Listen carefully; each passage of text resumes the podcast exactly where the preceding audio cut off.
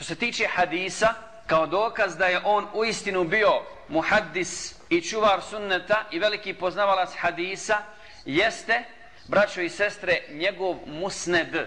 Musned Ahmeda ibn Hanbala broji koliko hadisa? Negdje oko 40.000 hadisa. A zna li neko zašto se zove musned? Imamo sunene, imamo sahihe, imamo muvatta, imamo musned od Ahmed ibn Hanbala. Što musned? Jedan od razloga, glavni razlog jeste svakako, dakle, što ćete naći u musnu Ahmedu ibn Hanbala, da nije tematski raspored, dakle, hadisa, nego piše musned Abu Hureyre.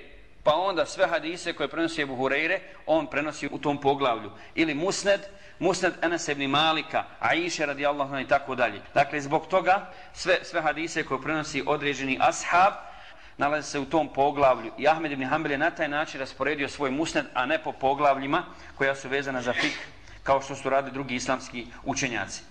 I pored toga, dakle, njegov musned broj negdje oko 40.000 hadisa, u njegovom musnedu postoje daif i čak meudu hadisi, odnosno izmišljeni, izmišljeni hadisi.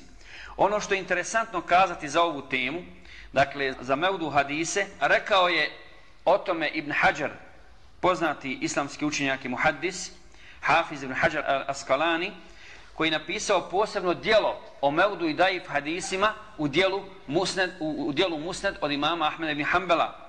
Pa kaže da većina Daif hadisa koje je on proučavao, dakle, kao islamski učenjak i pravio tahriđ, vidio je da su dodati, dakle, ti dodaci koji su mevdu, koji su izmišljeni u predaji, da su dodati nakon Ahmeda ibn Hanbala, odnosno nakon smrti njegovog sina Abdullaha, koji je u stvari sastavio, sastavio tu zbirku svoga oca, a da nisu postojali u vrijeme, u vrijeme Ahmeda ibn Hanbala. Kada je Ahmed ibn Hanbal upitan o hadisu, za hadis koji ga bilježi Buharija i Muslim, a i on ga je stavio u svoj musned od Muavije radijallahu ta'ala, da je poslanik s.a.v. rekao, neprestano će u mome umetu biti skupina, skupina koja će biti na istini, neće joj smetati oni koji odu u zabludu ni desno ni lijevo, ostaće takva dok Allah ne donese svoju odredbu. Pa su upitali Ahmed ibn Hanbala ko je ta skupina, a on je rekao, ako nisu sljedbenici hadisa, sljedbenici sunneta, ja ne znam ko je drugi. Ja ne znam ko je drugi.